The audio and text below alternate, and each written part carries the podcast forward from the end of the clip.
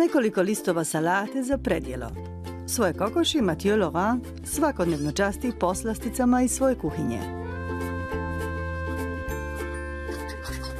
Gladno jelo su danas špageti carbonara.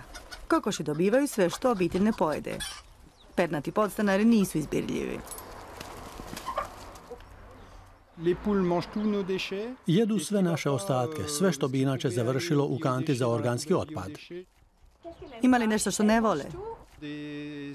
Ne vole kore od banane, kivi, ni sirove kore od krumpira, ali inače stvarno jedu sve. Eh, eh, Kokošinjac je napravio strojarski inženjer osobno.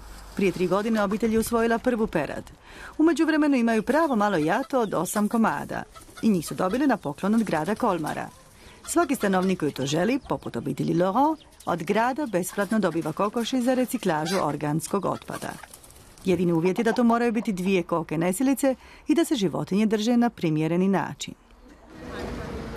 Ideja o malim kutačima organskog otpada sviđa se susjedima obitelji Laurent.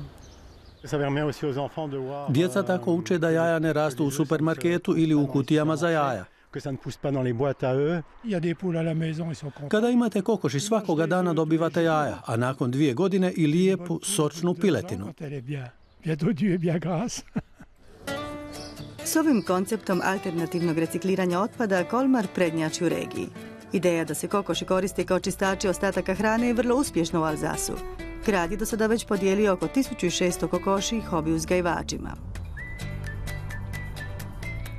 Stručnjaci za otpad u regiji Kolmar smatraju da se ta akcija isplati. Euh,